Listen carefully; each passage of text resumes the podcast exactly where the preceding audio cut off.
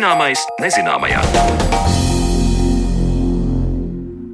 Esiet sveicināti raidījumā Zināmais nezināmajā. Ar jums kopā turpmāko stundu Sandra Kropa, un šodien raidījumā runāsim par to, kā jaunu prasmju un zināšanu apgūvi ietekmē cilvēku kognitīvos procesus.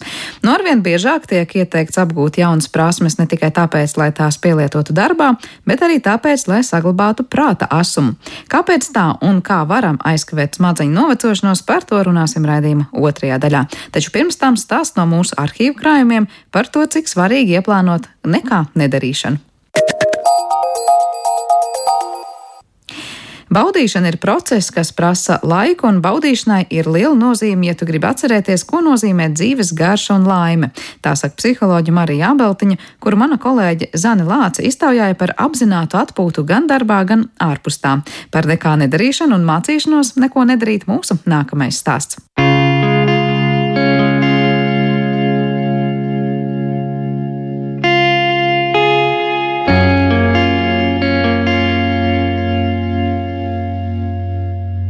Šī nebūs slavas dziesmas linkumam vai dīkai dzīvei, bet ieskats apzināts atpūtas zonā.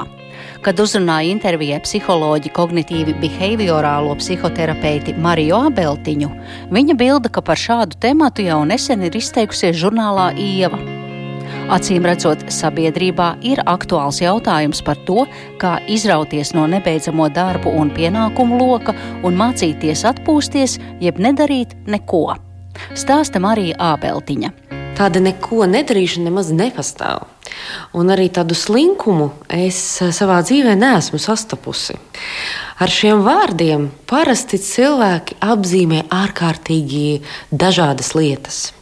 Un, ja mēs domājam par neko nedarīšanu, tad um, tur ļoti bieži iekrīt noteiktas darbības, kuras tā tiek nu, es gribētu teikt, pat dažreiz apsaukātas, ja, ka nu, es tā neko nedarīju. Ja. Kas tur iekrīt? Pirmām kārtām atpūta. Ļoti bieži tur ir vienkārša atpūta. Un, ja mēs padomājam par atpūtu un tās vajadzīgumu, es domāju, ka tur neviens nestrīdēsies, ka tas ir ārkārtīgi būtiska lieta. Jo tāpat kā mūsu ķermenim ir uh, muskuļi, kuriem ir svarīgi saspringt un atslābināties, un abas darbības ir vienlīdz svarīgas, tāpat arī mūsu garīgai pasaulē, tāpat arī mūsu emocionalitātei ja, ir svarīgi gan tādi saspringuma brīži, gan arī atslābinājuma brīži. Vēl viena lieta, kas iekrīt kategorijā nekā nedarīšana, bieži vien ir baudīšana. Mums taču vienmēr nav laika. Tas, tas nu, baudīt, tas ir tāds process, kas prasa laiku. Ja? Baudīšanai ir ārkārtīgi liela nozīme, ja tu gribi vispār nu, atcerēties, kā tas ir dzīves garš un laime. Ja tu visu laiku skrieni un domā, oi, es baudīšu pēc tam, nu, pēc tam atvaļinājumā, vai tur brīvdienās, vai pensijā, vai vēl kaut kad, tad, tad kad tas pienāk, tad tu jau esi aizmirsis par šiem gadiem, kā tas ir. Jā, jo, ja tu kaut ko netrenē, atkal, ja atgriežamies pie tās metafāras ar muskuļiem, ja tu kaut ko netrenē, tad to, to aizmirsti. Tas sāk, nu, grupi runājot, atrofēties. Ja? Tā kā baudīšana ir vēl viens svarīgs aspekts, ko bieži apzīmē kā neko nedarīšanu, bet kas, manuprāt, ir ļoti svarīga dzīves sastāvdaļa. Šādos atpūtas mirkļos mūsu ķermenī mazinās stresa hormoni, izdalās endorfīni, jeb tā saucamie laimes hormoni. Arī parastā sarunā ar draugiem un tuviniekiem, kad no malas šķiet, ka tie kultinieki, cilvēciskais kontakts ar sev mīļajiem un tuvajiem rada oksitocīnus, tā dēvētos miera, pastāvības un stabilitātes hormonus. Tātad atpūšas gan prāts, gan ķermenis, galvenais ir tam veltīt kvalitatīvu laiku.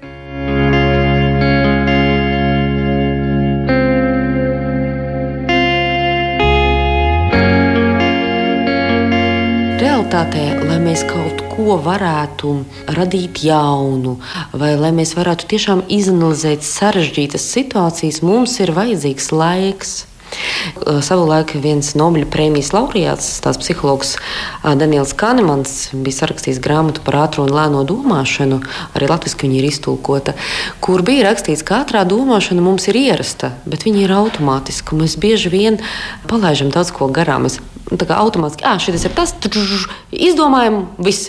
Bet, kad mēs sastopamies ar sarežģītām situācijām, darbā, privātajā dzīvē, nezinu, arī radot kaut kādas lietas, mums vajag to lēno laiku. Un tā nav vārnu skaitīšana, tā ir ideju vai kaut kādu domu analizēšana, struktūrēšana. Tas arī prasa laiku. Tad ir tāda vērošana. Vērošana arī pie tām vārnām pieskaitās bieži vien. Bet, ja mēs padomājam, tad šobrīd ir ārkārtīgi populāra šī apziņotības kustība kur cilvēki patiešām mācās un iet treniņus, tur astoņu nedēļu treniņus, lai iemācītos vērot, jo tam ir diezgan daudz savu plusi. Kad mūsu smadzenes atkal iemācās eh, ne tikai skriet uz priekšu, jā, bet patiešām viņa apstāties, un eh, tajā pauzē var kaut kas rasties. Kaut kāda jauna atklāsme, kaut kāda jauna sajūta un kaut kādas jaunas lietas. Un vēl pie tās nekā nedarīšanas man šķiet pieskaita miegu. Ja daudz cilvēku sūdzās un saka, ka, ak, Dievs, mēs miegā pavadām tik daudz laika, tik neliederīgi, trešdaļa dzīves. Man šķiet, ka tā ir ļoti svarīga trešdaļa. Tā ir atjaunošanās trešdaļa, tā ir tāda restartēšanās trešdaļa un tāds labs, kvalitatīvs miegs kas ir naktī, nevis kaut kad kaut kur izrauts pa gabaliņam, ir arī tādas psihiskās veselības patiesībā tāds garants. Un ārkārtīgi daudz pētījumu ir arī par to, ka, piemēram, nu, mūsdienu trakākā tāda psihiskā viena no saslimšanām ir depresija. Nu, tad viens no svarīgākajiem lietām, kas pasargā, ir eh, ne tikai kustēšanās, jā, bet arī miegs. Miegs normālos laikos un, un, un teiksim, tā, normālos ritmos.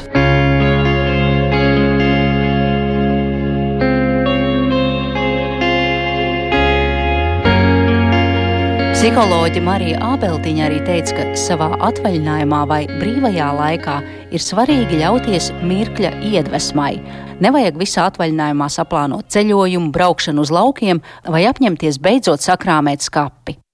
Ir svarīgi atstāt laiku spontanitātei, laikam, kad mēs neesam tiešām ieplānojuši un visu struktūrējuši un paredzējuši, un tad skatāmies, lai tur viss tā kā arī precīzi būtu.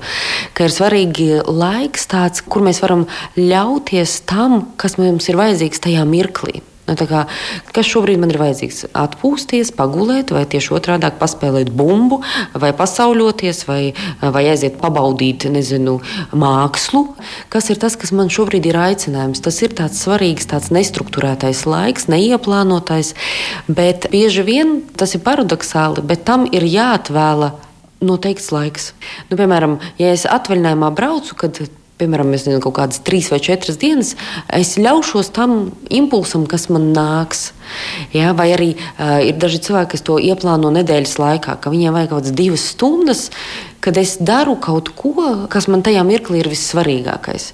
Un tas arī palīdz smadzenēm pārslēgties uz citu režīmu, ka es tomēr pieslēdzos tā brīža vajadzībām. Jo mūs bieži māca arī no pašas bērnības, ka ir svarīgi vadīt savus impulsus un būt organizētiem, disciplinētiem, darīt lietas tā, kā vajag.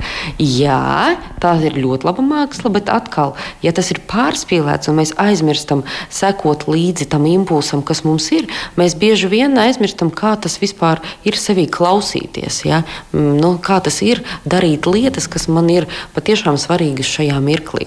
Jo tālie mērķi ir svarīgi svarīgi, uz viņiem ir jāvirzās. Es nesaku, ka jāmet plinti krūmos un tagad jādara tikai kaut kādi nezinu, mirkļa vājumi, bet arī tiem mirkļa vājumiem arī ir svarīga vieta un, un lieta. Jo dažreiz ar nekā nedarīšanu, protams, aiz tām slēpjas cita galība. Viens ir būt kontaktā ar savām vajadzībām un varbūt ļauties mirklim, bet otra galība ir tā modernais vārds prokrastinācija. Lietu atlikšana, jā, jā. Darb, darbu atlikšana. Jā. Un tā nav nekā nedarīšana. Tā tiešām ir atlikšana. Man liekas, tas arī ir tāds ļoti precīzs vārds, ka es patiesībā atlieku un daru citas mazsvarīgākas lietas, un to, no kā man nezinu, bail vai kas ir tāds sarežģīts sarežģīts, to es pabīdu nost. Ja, jo tā ir pilnīgi cita problēma. Ja, man ir nezinu, jāsaņemās, vai man ir nepietiek zināšanu, vai vienkārši drosmes darīt kaut ko, kas man ir svarīgi. Un, tad tas prasa kaut kādus nu, kā, citas lietas. Ja. Bet tāda būšana kontaktā ar vajadzībām un, un arī tādām mirkļa vajadzībām, man liekas, tas profilaktiski ir ļoti svarīgi, ka pa brīdiņam dzīve iebūvēt un tīpaši atvaļinājuma laikā. Bet kā tagad ir, ja mēs visu to iepriekš minēto ieliekam darba vidē, darba laikā? Es arī atnācu pie jums e, šeit uz interviju, jums viens cilvēks aizgāja prom, tur jau gaitenī sēž nākamais. Vai jūs, vai arī es nezinu, ik viens no mums var tā pateikt, tā tagad es desmit minūtes, jūs visi pagaidiet, es nedarīšu neko. Kā darba laikā mēs arī varam ļauties nekā nedarīšanai? Un kur ir tā robeža? Jā, ir dažādi pētījumi, kas saka, ka mm, no tāda kafijas dzeršana kopā kolektīvā, ka tas patiesībā nav nekā nedarīšana. Tie ir tie sociālie kontakti, kas pēc tam palīdz atrisināt daudzas problēmas kolektīvā. Kad es pazīstu to cilvēku un es varu vērsties pēc palīdzības un atrisināt kaut kādas lietas stipri ātrāk, un arī tas noņem tādu arī spriedzi. Ja, tas iedod patiešām tādu labu impulsu darbībai. Es domāju, ka mm, tādos ļoti struktūrētos darbos ir svarīgi iebūvēt atpūtas, pārslēgšanās, vēl savādākas neko nedarīšanas posmus. Un es zinu, ka es agrāk ļoti grēkoju, piemēram, ar pusdienām. Ja? Jo tas arī ir nu, kaut kāda ļoti lieka uh, tehniskā apkope, kur tu vienkārši patēri laiku un naudu. Ja? Bet realtātē tas ir svarīga pauze, kuru var izmantot un kuru var plānot. Un, es esmu nonākusi līdz brīdim, kad es varu plānot savu laiku pati, tad es uh, dažkārt ieplānoju garas pauzes garas pusdienas pauzes, nevis pusstundu, nevis stundu, bet garāku lai es varu paspēt patiešām atjaunoties un sniegt cilvēkiem to palīdzību, ko viņi no manis sagaida. Jā, es varbūt tur pa to laiku nepieņemu vēl vienu cilvēku, bet es zinu, ka tie visi pārējie, ko es pieņemšu, viņi dabūs to kvalitatīvo manu klātbūtni, manu uzmanību, jo manas smadzenes būs atpūtušās un atjaunojušās. Ir cilvēki, kas nevar mm, sev atļaut nu, tādu garu pauzi pa vidu, bet viņi var paņemt īsākas pauzes pa dienas vidu. Un es zinu, ka šobrīd arī Latvijā daudzi darba devēji iespēja sāk nu, domāt modernāk un saprast, ka psiholoģijai ir arī nozīme tādā ilgtermiņa biznesa veiksmē, ka tas ir ļoti svarīgi, kā jūtās darbinieki, un arī veido dažādas arī tādos, nezinu, pat zvanu centros atpūtas telpas, kur ir piemēram klusā istaba kur ir iespēja pabūt pilnīgā klusumā un izdzert to savu kafiju, nesot klāt nevienam citam cilvēkam. Ja? Kas ir ļoti, ļoti labas iniciatīvas. Tāpēc es domāju, ka ja mēs izmantosim savas eh, cilvēku smadzenes, kur ir pilns ar radošumu un, un, un tādiem risinājumiem, mēs varēsim arī tādos ļoti saspringtos grafikos atrast tās iespējas patiešām pārslēgties un padarīt to labo neko. Par apzinātu atpūtu stāstīja psiholoģija kognitīva behaviorālā psihoterapeite Marija Abeltiņa, un ar viņu sarunājās mana kolēģe Zane Lāce. Bet par to, kāpēc ir vērts mācīties visu mūžu garumā un kā tas uzlabos smadzeņu veselību, mēs runāsim raidījuma turpinājumā.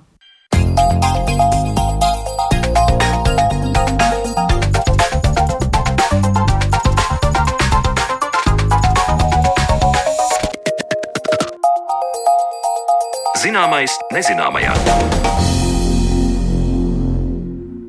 Mūsdienās mācīšanās visu mūža garumā kļuvusi jau par normu, un dažāda vecuma kursa biedri vairs nav nekas pārsteidzošs. Mēs varam iegūt vēl vienu profesiju, mācīties nezināmu svešvalodu vai vakaros iet mācīties dejot. Taču mūsdienās zinātnieki arvien biežāk norāda uz to, ka jaunu prasmju un zināšanu iegūšana arī pēc tam, kad garais izglītības iegūšanas process ir pabeigts, palīdz aizskavēt procesus, kas saistīti ar smadzeņu novecošanos. Noskaidros, ka jo ilgāks laiks dzīvē tiek veltīts mācībām, jo labāk atmiņa atmiņa būs pēc 65 gadu vecuma. Lai runātu par to, kā mācīšanās palīdz ilgāk saglabāt cilvēku kognitīvās funkcijas, mūsu attālinātajā studijā uz sarunu esam aicinājuši Paula Stradiņa Kliniskās universitātes slimnīcas neiroloģiju un Rīgas Stradiņa universitātes asociēto profesoru Zandu Priedi, kā arī Rīgas Austrum Kliniskās universitātes slimnīcas neiroloģiju un Rīgas Stradiņa universitātes neiroloģijas un neiroķirurģijas katedras docētāju Santu Ašmanu. Labdien jums abām! Labdien! Labdien. Liekas, par šo jautājumu ir izvērsti gana plaši raksti, un arī jūs esat izteikušās plašāk internetu vidē, aicinot cilvēkus apgūt arvien jaunas prasmes. Kā jums liekas, cik daudz mēs Latvijā trenējam un cik aktīvi smadziņu uzturētāja formā īsti mēs esam? Vai tā ir tāda lieta, kas ir vēl jāatgādina un jāatgādina, vai tā jau kļūst par tādu modes lietu? Zanda, varbūt sākšu ar jums. Nu, paldies! Uh, nu, teiksim, situāciju Latvijā, lai es raksturotu, es jums uh, laikam šoreiz īsti nevarēšu, jo nav jau mums tādas īstenībā šīs te nerdeņķīvo slimību uzskaits datu bāzes, lai es varētu kaut kādā veidā, veidā izdarīt secinājumus. Uh, par uh, statistiku Latvijā. Bet um, runājot par smadzenēm, es gribu noteikti vēlreiz uzsvērt, ka uh, smadzenes nav statisks process. Teiksim, tās nepārtraukti mainās apkārtējo stimulu ietekmē un nepārtraukti smadzenēs norit šīs struktūrālās un funkcionālās izmaiņas. Un uh, cik vispār cilvēki zina par smadzenēm un to darbību, to mēs varam arī katrs sev pajautāt. Un, uh, vai vispār mēs izmantojam visu savu smadzeņu potenciālu ikdienā? Un uh, vai mēs izmantojam savu potenciālu smadzeņu ikdienā, sekojot līdzi laika ziņām, kaut vai naftas cenu svārstībām, jebkam citam? Uh, tomēr lielākajai daļai cilvēku smadzenes ir uh, teiksim, tiek izmantotas, lai uztvertu vienkārši dzīvi, bet neko vairāk. Bet es tomēr gribētu mērķiecīgi cilvēkus vērst un vērst cilvēku uzmanību uz, teiksim, apdomāt, teiksim, ko jūs šobrīd varat investēt savās smadzenēs. Tāpat kā ķermeni, jūs ķermeni ikdienā izstrādāja ķermeņa treniņu programmu, kas, protams, ir labi. Un, bet vai mēs aizdomājamies, kā trenēt mūsu smadzenes un kā mēs varam ar ikdienas aktivitātēm, mērķiecīgi vērstām nodarbēm ietekmēt mūsu smadzeņu darbību nākotnē? Un tas ir tas, ko šobrīd neirozinātne mēģina rast atbildes uz šiem jautājumiem. Un, uh, mums ir ļoti daudz, protams, iespēju šobrīd izmantojot šos neirofunkcionālos radioloģiskos izmeklējumus, kur varam ļoti konkrēti jau izteikties, piemēram, pacienti, kuri nodarbojas ar fiziskām aktivitātēm, jeb veids kaut kādus citus kognitīvus treniņus, mēs varam konkrēti jau izmērīt, kuras smadzeņu struktūras, kuras smadzeņu reģionālās, teiksim, atbilstoši reģionu smadzeņi darbojas labāk un tiek aktivizēti un pieaugt šo te reģionu, smadzeņu reģionu tilpums, kas īstenībā šī zinātne par smadzenēm, smadzeņu veselību, jeb kognitīvā veselība, šis ir tāds ļoti plašs, plašs termiņš, ko mēs varam īstenībā runāt ilgstoši. Kā veicināt, kā attīstīt, kā saglabāt. Jā, es tieši gribēju vaicāt, pirms es arī dodu vārdu Santai, bet Santa droši var arī papildināt. Ja mēs tam iedomājamies, nu labi, mēs ejam uz sporta zāli, lai trenētu savu fizisko ķermeni, tad nu, vienam tur būs motivācija zaudēt svaru, citam audzēt muskuļu masu, trešam vēl iztaisnot muguru un tā tālāk un tā joprojām. Kas ir tas, ko mēs sagaidām no smadzeņu trenēšanas? Vai tas būtu kaut kāds neironu tīklojums, sazarotāks, vai pašu šūnas kļūst vairāk, vai paša reģiona, kā saka, tilpums, kā jūs teicāt, lielāks? Es to varētu atbildēt es to salīdzinātu tā kā ar skulptūras veidošanu. Mums ģenētiski katram ir dots šis akmenis, akmeņa stiprums, un pēc tam tālāk mēs veidojam smadzeņu šo darbību, šo aktivitāti. Un ir pierādīts, ka visintensīvākais mūsu skulptūras veidošanas process ir sešu gadu vecumā. Un tas atbilst bērnam, kurš iegūst jaunas maņas, jaunas zināšanas, jaunas pieredzes, jaunas komunikācijas spējas.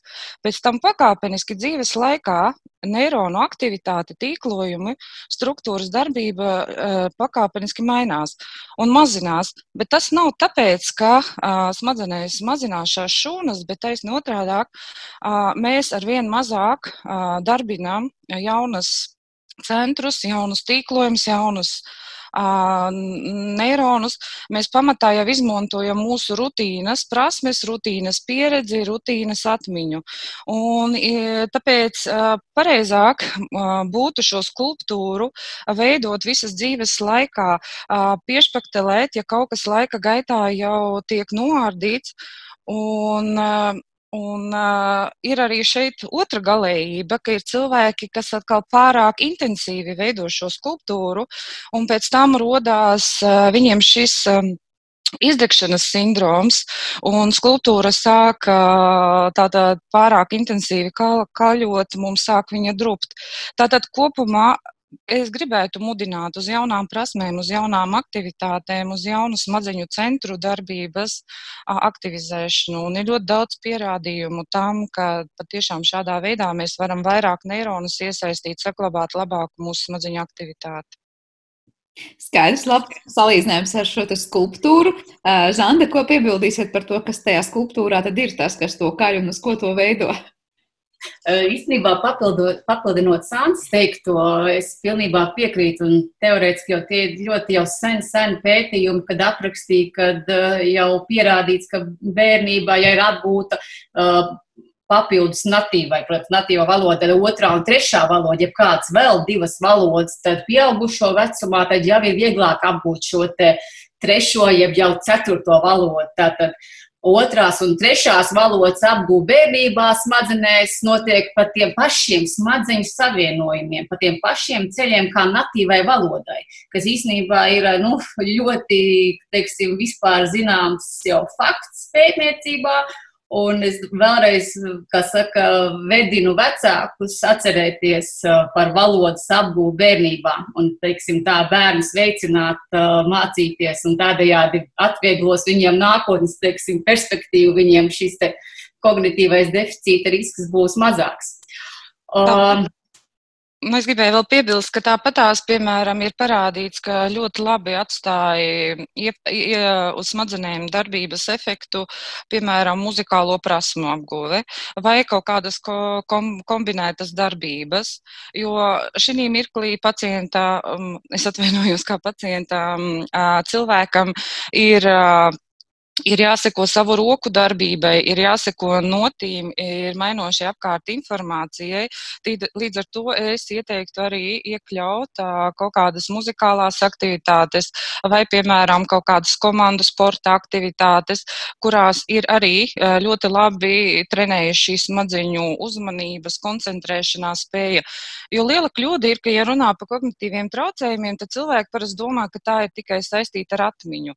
Bet kognitīviem traucējumiem vērtējumu kritērija ir arī koncentrācijas spēja, plānošanas spēja, veikt priekšlikumus, raitas, pareizas valodas un, protams, šī atmiņas mācīšanās problēma.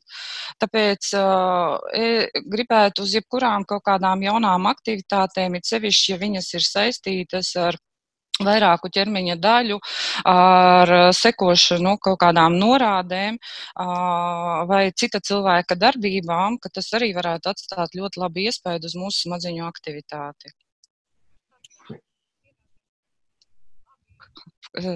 Halo? Jā, dzirdam. Ā, dzirdat, jā, es domāju, kaut kas pazuda. Jā. Sanāk tā, ka nu, mācoties no visa, kā mazliet arī ir tas lielākais ieguvums smadzenēm, jo dažkārt saka, viena tur vairāk sportos, cita vairāk ar mākslu un mūziku nodarbosies, ka mūsu smadzeņu veselībai nāk par labu gan fiziskās aktivitātes, gan mākslas un dažādu instrumentu spēle, gan valodu apguve. Man jautājums, te Zanta pirms tam par valodām vairāk stāstīja, ir dzirdēts, ka dažkārt saka, nu tad mācieties valodu, tas ir līdzvērtīgi tam, it kā jūs darbināt savus smadzenes, mācoties matemātiku. Vai tur ir kādas saistības starp to, kura no šīm jomām var teikt, nu vienlīdz labi trenēt tās smadzenes un var vienu otru tā kā aizvietot vai papildināt? Nu, īstenībā pētniecībā nav tā strikti novirzīts vai pateikts, mācieties tikai spāņu valodu, mācieties tikai itāļu valodu, un tad jums būs šīs te kognīcijas, teiksim, uzlabošanās. Bet nu, tā nav. Teiksim, jebkāda veida mācīšanās var veicināt jaunu šo te starp neironālo saistību, jeb savienojumu, jaunu savienojumu, jaunu smadzeņu ceļu veidošanu, kas paliek īstenībā nemainīgi. Tātad šie jaunie starp neironālie savienojumi, jebkādi, teiksim, jebkādu jaunu darbību, jebkādu jaunu arodu mācoties, valodu mācoties, tiek, teiksim, tiek veidoti, stingri kontrolēti un nepārtraukti vadīti. vadīti. Un šādu atkārtotu teiksim, šo te procesu rezultātā, veidojās šī tā saucamā neironu plasticitāte šis te termins, teiksim, un jo cilvēkam, teiksim tā, jo viņš ir um, ar augstāku izglītības līmeni, jo viņš ir dzīves laikā vairāk, teiksim, darbojies vairāk saistīts ar šo te inteliģento darba sfēru, kur nepieciešams daudz domāt, daudz radīt, attīstīt. Viņam tomēr šis, te, teiksim, atmiņas traucējumi, kognitīvs deficīts vēlākos gados pārliecinoši tomēr ir risks iestāties mazāk. Um, jā.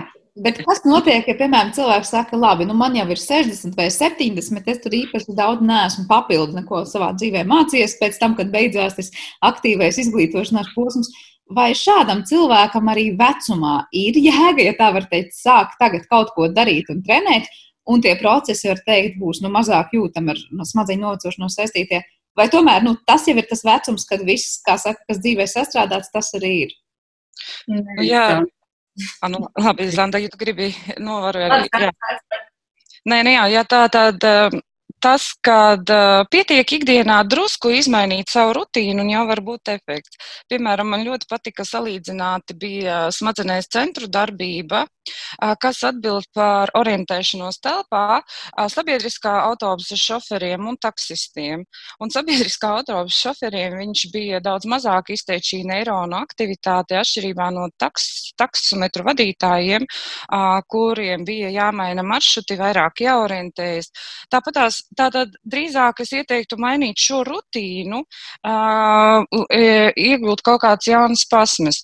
Un, ja jūs runājat par vecumu, tad ir ļoti daudz, tas ir vairāk gan no, no Amerikā nāk, ir šie vecā gadagājuma cilvēku pansionāti, un tur ir ļoti pētītas, kādas vajag viņiem šīs izklaides vai kaut kādi kursu vai attīstības programmas, kas varētu veicināt viņu kognitīvās spējas. Un, tātad viena, protams, ir šī komunikācijas iespēja, ka viņi nav vieni paši izolēti, viņi satiekas ar saviem vienaudžiem. Otrs, viņiem vienmēr ir iekļautas kaut kādas šīs deju studijas programmu apmācības, tātad kaut kādi, piemēram, izšūšanas, galdniecības kursi. Tāpat tās ir iekļautas ekskursijas, kur viņus aizved uz kaut, kur viņiem līdz ar to arī viņiem veica šī orientācija un jauna iespēju. Tātad kopumā mans, manas rekomendācijas būtu, ka nevajag rutīnu, ka nevajag izolēties no cilvēkiem, meklēt kaut kādu, meklēt komunikāciju, meklēt kaut kādu vienožu, vien, vien, vienaudžu interešu grupu. Apgūt nekad viens vecums nav par vecu, lai neapgūtu jaunas prasmes. Varbūt jaunībā tam nepietika laika, bet, piemēram, es vecumā varu iešu dziedāt korī vai apgūšu, piemēram, kaut kādas rotu taisīšanas metodes. Tātad pamatā vēlme kaut ko apgūt, iemācīties un komunicēt ar mazbērniem, bērniem, arī viņi jūsu dzīvē iemācīt kaut kādu jaunu, kaut vai jaunās mūzikas tendences, kas arī būs jūsu smadzenēm jauna pazīme. Tā kā, tā kā es domāju, ka neviens vecums nav, nav tā, lai teiktu, ka viss es vairāk neko nedarīšu. Um, nu, teiksim tā, es piekrītu Santai, un te jau runājot no neirozinātnes viedokļa, kad, um, teiksim, pastāv šie te, um, teiksim, kognitīvie treniņi, šie specifiskie stimulācijas testi un nespecifiskie stimulācijas. Un nespecifiskie stimulācijas visi, te, kas saka, testi, jeb, teiksim, paradumi ir tie, ko Santa jau jums stāstīja. Tātad, ja kādas apgūt jaunas iemaņas, kaut vai galda spēles, lasīšanu, grāmatu, varbūt nevis krustvārdu mīklu risināšanu, vairāk izvēlēties tālāk kaut vai dejošanas prasmes attīstīt, mūzikas prasmes, aktivitātes veicināt, ja, teiksim, iet pa citu maršrutu, teiksim, no veikala līdz mājām, mēģināt kaut kādā veidā šo te telpisko, teiksim, orientāciju stimulēt. Un, protams, šie specifiskie kognitīvie treniņi, kas uh, sastāv no šiem specifiskiem, struktūrētiem, konkrētiem uh, uzdevumiem, kur stimulē katru domēnu vai nu uzlabo valodas domēnu vai vārdu atsaukšanu atmiņā. Šie ir jau speciālistu uh, mērķiecīgi ieteikti treniņi, ko iesaka mūsu teiksim, neiropsihologi un paši vada. Uh, Bet runājot jau teiksim, pašā pamatā, vecumā, nu, teiksim, gados pēc, nu, nevar teikt vecumā, bet uh, pēc 65 gadi jau ar vien jau vairāk jau uzrāda pētījumu, kas saka rezultāts, ka mūsdienās tad viss dzīvesveids, kas ir dzīves laikā ticis vadīts, te, teiksim, tā, tā, sākot no pārtikas, miega, darba režīmā, ierobežotām fiziskām aktivitātēm, emocionālā nošķirtībā, beidzot pat ar mobilā tālruni lietošanas paradumiem. Šie visi faktori, kas dzīves laikā spēj ietekmēt tomēr šo te kognitīvo stāvokli uh, vēlākos laika periodos. Un, uh, kaut vai ilgstoša televizora vai mobilā telefona lietošana uzrāda šos te mazāk spējas koncentrēšanos, sliktāku atmiņu un ierobežotu šo emocionālo atbildu uz dažādiem stimuliem. Uh, vienmēr vajag uh, noteikti izvērtēt šo pamatlietas, uh, teiksim, līdz vecumam, gan sirds veselības stāvokli, gan elpošanas sistēmas stāvokli, gan kuģis zarnu traktu stāvokli, jo visi šie trīs pamatvaļi, kuri jums palīdz uzturēt barot smadzenes un nodrošināt, lai smadzenes uh, normāli funkcionētu. Tādēļ visas blakus saslimšanas un visu kaitīgo faktoru novēršana dzīves laikā ir ļoti būtiska, lai vecumā mums šī kognitīvā funkcija papildus ar dažādiem kognitīviem stimulācijas testiem, specifiskiem, nespecifiskiem, varētu tikt saglabāta.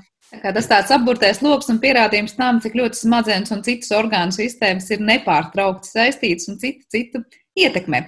Jūs, te, protams, stāstījāt par to, kas notiek tad, kad apgūst tās jaunās prasmes, un var teikt, ka neironu plasticitāte pieaug. Var teikt, tā kā nu, tas sazarojums kļūst ar vien tāds sarežģītāks un, un varbūt intensīvāk kaut kur noslogots, bet kas notiek tajos brīžos, kad cilvēks ir apgūstis kaut ko jaunu? Un pēc tam to vairs nepielieto. Vai tur kaut kas mainās, vai, kā teikt, katra jauna iemācīta lieta pats pēc tam, ja nelietot vai aizmirsta, ir darījis to labo darbu smadzenēm.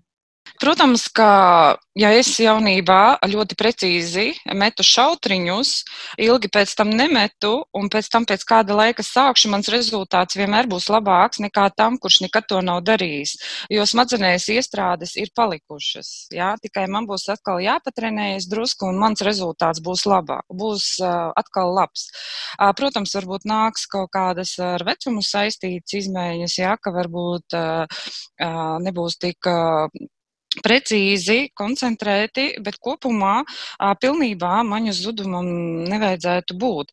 Ja kā es jau iepriekš Zana minēja, tātad, jā, mans organisms ir, ir vesels, uz mani neietekmē nekādas toksiskas vielas, es esmu labi izgulējies, man nav kaut kādas smagas saslimšanas, tad pamatā, protams, ka šī būs daudz vieglāk apgūt, atkārtoti, iegūt šīs iepriekš manis zinā, man, manis zinā, manis, manas zināšanas vai manas prasmes ar daudz mazāku piepūli nekā tam, kurš nekad to nav darījis. Tas būs vairāk tā kā, ja mēs tiešām tās prasmes gribam atjaunot, bet es vairāk domāju par to, ja, piemēram, cilvēks tagad teiks, es gribu mācīties tur veidot rotas, nevis tāpēc, ka man ļoti aiz, aizrauja tā rotu veidošana, bet, nu, kaut kā smadzenes jānodarbina, jaunu prasmi gribu apgūt. Nu, kā saka, nav pārāk netīkama darbība, bet darīšu. Bet pēc, piemēram, dažiem mēnešiem pateiks, man tās rotas īsti neaizrauja, es tās vairs neveidošu visu to, ko iemācījos, aizmirsu, sākšu mācīties citu valodu. Vai to labo darbu, ko tā rotu darināšana smadzenēm būs izdarīta, viņa, viņa saglabāsies vai viņa ies zudumā? Tad tā neiroplasticitāte samazināsies. Neiroplasticitāte, lai izveidotos, ir vismaz trīs mēneši. Ja? Tātad, tātad pamatā arī kādreiz, kad cilvēkam, ja viņam, viņš uzsāk kādu jaunu aktivitāti, tad viņam ir jāuzstāda vismaz, ka trīs mēneši ir minimālais periods, kad man jau izstrādājas kaut kāds ieradums šai aktivitātei vai, šīm, vai šai vēlmei vai šai prasmei. Tas nav vienas dienas, vienas nedēļas un pat viena mēneša uh, periods. Uh, otra lieta ir, ka jebkurā aktivitāte, kurā nav patika, interese, aizrautība, kaut ko viņā jaunu augt, protams, ka viņā ātrāk apnīks nekā, ja jūs darīsiet aktivitāti, kas jūs patiešām interesē. Tātad tomēr vajag izvēlēties tādas aktivitātes, kuras jums arī patīk. Tad būs nevajag, nevajag mānīt smadzenes. Zandi, ir kāds komentārs, ko tikko dzirdētā vai vēl papildinājums? Papildinājums tāds teikto, jā, par to, ka, nu, ir interesanti aprakstīt pētniecībā šis, teiksim, fakts, ka atmiņu process un emociju process ir ļoti savstarpēji, teiksim, miedarbīgi procesi. Un, Uh, spēcīgas emocijas gan var palīdzēt, gan arī traucēt atmiņas procesiem. Tādējādi no šī var secināt, ka teorētiski, ja jūs esat nolēmuši apgūt uh, jaunu arodu, jaunu specialitāti vai apgūt jaunu valodu, jums jāatrod tieši tā kā Sansaka to, kas jums pašam patiks un mēneša ilga apmācība, divu mēnešu, un kas vēl nepatīk, jums noteikti smadzenēs uh, nekādas jaunas sinapses un aktivitātes neveidos. Tādējādi, ko es varu teikt, ka smadzeņu daļas nepārtraukti apmainās ar šī brīža un pagātnē uztverto informāciju, kur daļa no tagadnēji jauniem uztvertiem impulsiem var darboties arī kā traucēkļi, kas smadzenēm, teiksim, ir jānošķir, veidojot kaut kāds jauns koordinēts darbības, kas vēlreiz parāda to, ka um, smadzenes ir ļoti, teiksim, um, mainīgs process, un jūs nepārtraukti varat kaut ko katru dienu, neatkarīgi no vecuma, darīt. Uh, to labā. Jūs varat veicināt smadzeņu darbību, attīst, attīstot sevi, darot uh, noderīgas lietas sev, savam ķermenim un tādējādi arī veicinot smadzeņu veselību.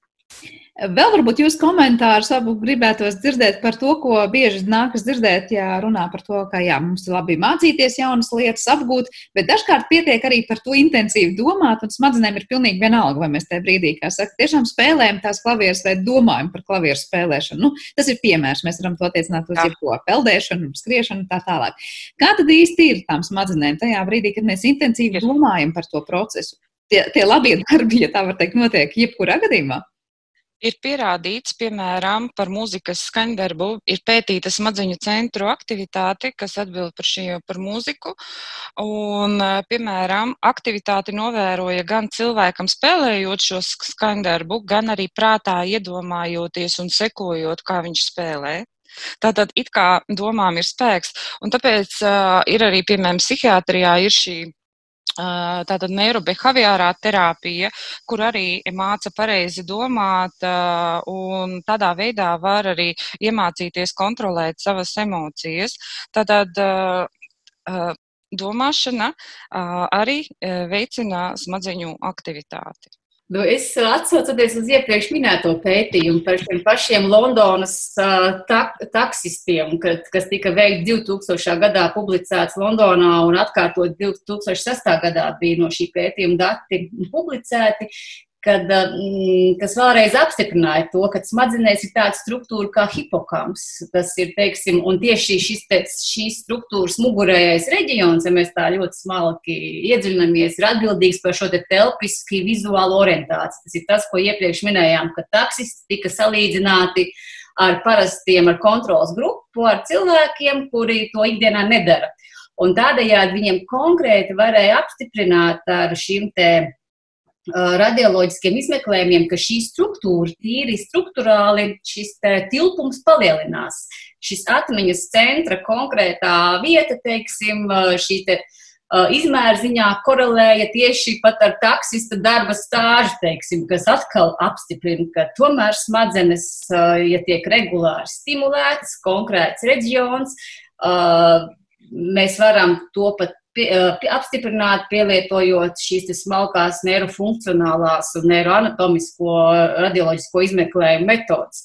Kas īstenībā šī smadzeņu struktūra, organizācija un funkcija, funkcija kaut ko darot, attīstot, ir pierādāma un apstiprināma. Jūs pirms brīža minējāt, ka tās krustvārdu mīklas nav nemaz tik labs risinājums. Parasti cilvēki saka, nē, nu, risinot krustāru mīklus, mēs trenējam tās smadzenes, un vecumdienās tās atmiņas varbūt eh, zudums nebūs tik ātri piezacies. Kā ir ar to bieži izplatīto uzskatu par tām krustvārdu mīklām? Vai tās krustvārdu mīklas veids to funkciju, ko jūs tikko uzskaitījāt, ko veids visas pārējās darbības? Teiksim, tā tika salīdzināts vai krustvārdmīklas un grāmatu lasīšana, kura nodarbe ir daudz, teiksim, labāka smadzeņu darbībai, tomēr atzīts grāmatu lasīšana.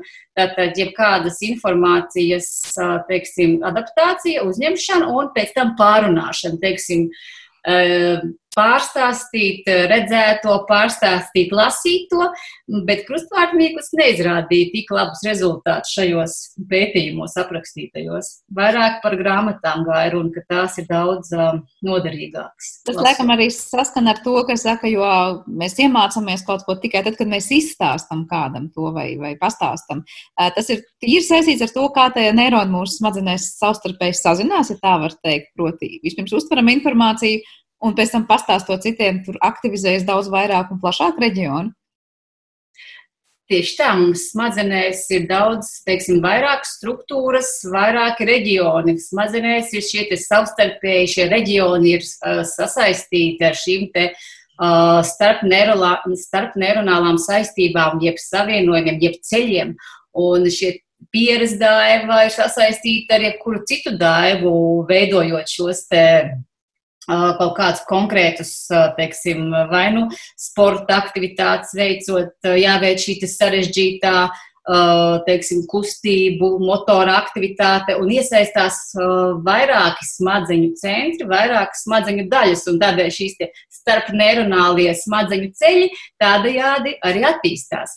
Un tas attiecās uz jebkādu, teiksim, nu, procesu, jaunu apgūšanu, vai sporta aktivitātes, vai zināšanu apgūšanu, ir dažādi centri, kas savstarpēji sadarbojas, lai varētu mēs, var teikt, nodrošināt šīs te um, funkcijas izpildi. Nu, ko klausoties, jūsos abos ir vairāk, abās ir vairāk nekā skaidrs, ka, protams, es nezinu, reti laikam atrast cilvēku, kurš nebūtu motivēts darīt kaut ko šodien jau ar savām smadzenēm, lai tās trenētu labāk un, un labāk, bet noslēdzot šo sarunu, es atsaukšos uz to, ko Santa jūs minējāt sarunas sākumā, ka no vienas puses to skulptūru veidojot, nevajag arī pārforsēt un pārlieku pārtrenēt. Vai jums ir kāda recepte, ja tā var teikt? Nu, atkal, ja mēs salīdzinām ar to došanos uz sporta zāli vai basēnu, tad dažkārt saka, nu, tad nevajag biežāk par, es nezinu, cik reizēm nedēļā, lai mēs nekļūtu par tiešām tiem, kas nodara vairāk ļaunu savam organismam nekā labu. Kāda būtu tā optimālā, nezinu, recepte? Cik un ko darīt, kādām aktivitātēm pievērsties, lai tās smadzenes būtu tiešām veselas un, un darbotos kvalitatīvi ilgi? Es teikšu jums, ka tas ir ļoti, ļoti individuāli ļoti individuāli. Ir cilvēki, kuriem labāks, labāk ietekmi uz smadzenēm, piemēram, garas monotonas slodzes, garas pastaigas, pārgājieni, rīta skrējieni. Ir cilvēki, kuriem labāks efekts ir no kaut kā no komandu, no īsām sprinta veida aktivitātēm. Tas ir ļoti individuāli un bieži jau nu, cilvēks pats jūt, kā viņš labāk var atpūtināt savu galvu, savas smadzenes un kāda aktivitāte aktivitāte viņam ir piemērota. Šeit nevar viennozīmīgi dot ļoti, ļoti tādu standartizētu, visiem atbilstošu mehānismu. Ļoti, ļoti individuālas ir šīs aktivitātes, pieeja katram katram cilvēkam. Un vairumā jau viņi paši jūt, ka viņiem, piemēram, patīk no darba iet kājām, viņš atpūšās, domas visas, kas darba situācijā ir nogurdinājušas, izveidinās, vai arī viņam vajag aiziet uz sporta zāli, paņemt kaut kādas intensīvākas grupa nodarbības, Tas ir tiešām ļoti individuāli, ja mēs runājam par šādām sporta aktivitātēm. Bet, Bet ka viņas vai... ir nepieciešamas, tas noteikti. Bet par to, vai lasīt pusstundu vai stundu, kā minimums grāmatu, lai smadzenes trenētu, ir, ir pamat nu, kaut kādam atskaites punktam, vai jebkura lasīšana nāks par labu. Nu, pamatā jau cilvēkam vairumam laiks ir lasīt vakarā pirms gulētiešanas, un jo vecāks gadagājumi, jo vairāk viņš, no mums pat laiks jānosaka, viņš jau aizmiega.